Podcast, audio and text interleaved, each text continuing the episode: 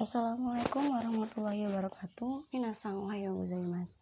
Ya, di pertemuan kita kali ini kita akan melanjutkan pembahasan bab 13 bungkai ketiga dan keempat.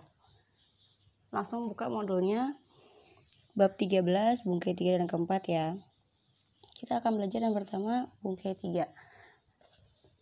Bungkai 3 itu adalah strukturnya keterangan waktu ditambah partikel ni ditambah kata kerja bentuk masuk.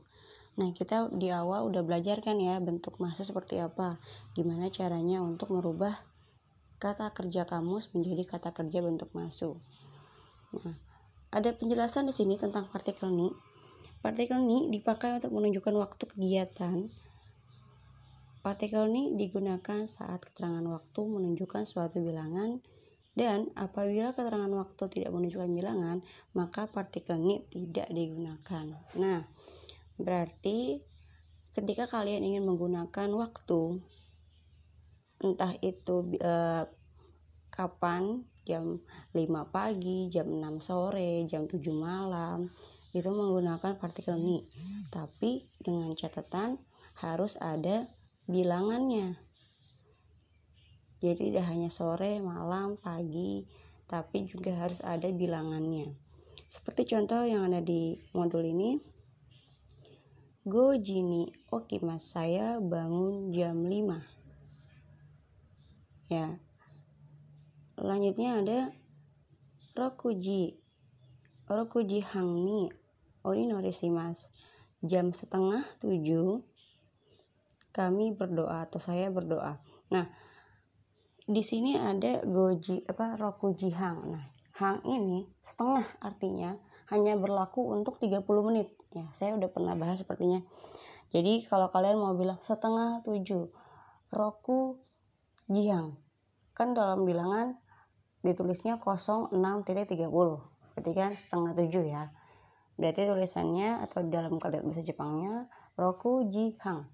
Jam 6 lewat 30 menit berarti kan setengah tujuh selanjutnya seperti itu. Misalkan kamu mau bilang setengah sebelas oh berarti sepuluh tiga puluh berarti jujihang ya atau setengah empat kosong tiga titik tiga puluh. Berarti sang jihang ya setengah empat. Oke lanjut ke contoh ketiga. Ada Shichigatsu Juninichi ni Indonesia ya kayak Mas. Nah tadi saya bilang keterangan waktu ya. Nah keterangan waktu itu kan nggak cuman jam, ya ada tanggal, ada bulan. Hanya dia mensyaratkan harus memiliki bilangan. Nah di sini contoh ketiga kita menggunakan contoh bulan dan tanggal. Shichigatsu Juninichi ni Indonesia ya Mas.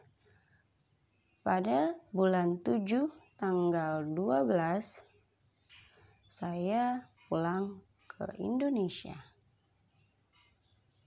Oke, selanjutnya. Nah, ini waktu yang tidak menggunakan partikel ni. Contoh di nomor 4 ini doyobi yasumi mas hari Sabtu libur. Ya, ini tidak menggunakan partikel ni kenapa? Karena doyobi adalah waktu yang tidak menunjukkan bilangan. Kecuali dia bicaranya hari ketujuh itu libur. Nah, kan ada ada angkanya tujuh, berarti pakai ni.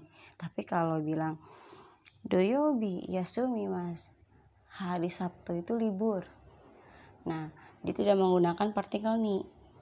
Ya, karena tidak menunjukkan waktu yang memiliki bilangan. Sama dengan contoh terakhir, yaitu kyo hatarakimas. Nah, kyo itu kan artinya sekarang. Ya. Jadi tidak menggunakan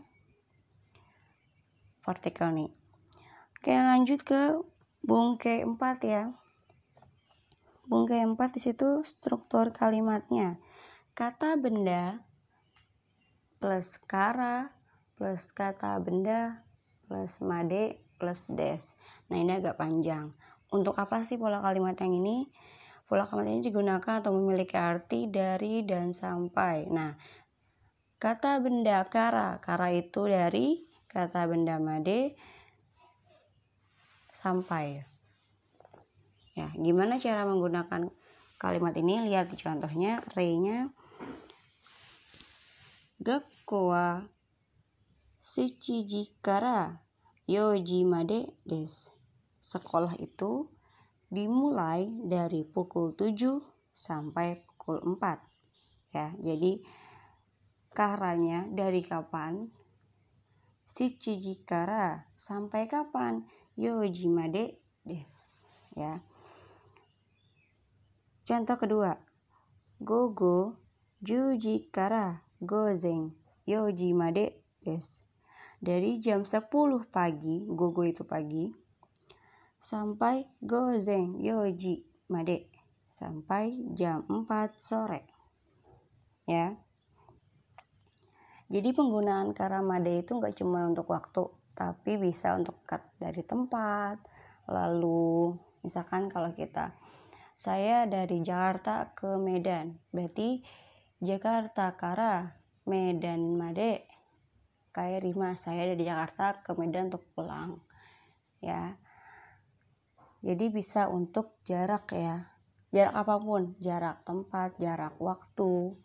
Ya, misalkan saya libur dari hari Senin sampai hari Kamis. Ya, watashi wa sengetsu, eh, maaf. Watashi wa getsu yobi kara mokuyobi made Yasumi mas. Saya libur dari hari Senin sampai hari Kamis. Ya, jadi nggak cuma untuk jam, nggak cuma untuk hari, jadi dia juga bisa buat bulan, bisa buat tanggal. Ya, jadi waktu, apa pun itu dan tempat. Ya. Oke, sampai sini ada yang mau bertanya? Jika ada yang mau bertanya, silahkan tulis di kolom komentar, maka akan saya jawab di kolom komentar. Atau bisa juga kalian bertanya di grup kelas kalian, dan saya akan jawab juga di, di tempat kalian bertanya. Oke, sampai sini. Ini adalah materi pertemuan terakhir sebelum PAT. Oke. Dan jangan lupa untuk mengerjakan kisi-kisi PAT yang sudah saya berikan yaitu latihan soal penilaian akhir tahun yang minggu lalu sudah saya berikan untuk kelas UPW dan Tata Boga B. UPW Tata Boga B. Nah, jadi selebihnya saya akan berikan uh, minggu ini sesuai jadwal harinya atau lewat grup PJ kelas ya nanti kalau memang harinya tidak ada susah hari Selasa libur jadi kita akan menggunakan pakai grup WhatsApp PJ yang saya gunakan untuk menyebarluaskan ke masing-masing kelas untuk kisi-kisi PAT. Oke, baik sampai di sini pertemuan kita kali ini. Dipelajari materi-materinya, dipelajari kisi-kisinya biar kalian bisa menjawab soal-soal PAT nanti. Oke, ja kore dewa karimastaka ja ijo desu. Assalamualaikum warahmatullahi wabarakatuh.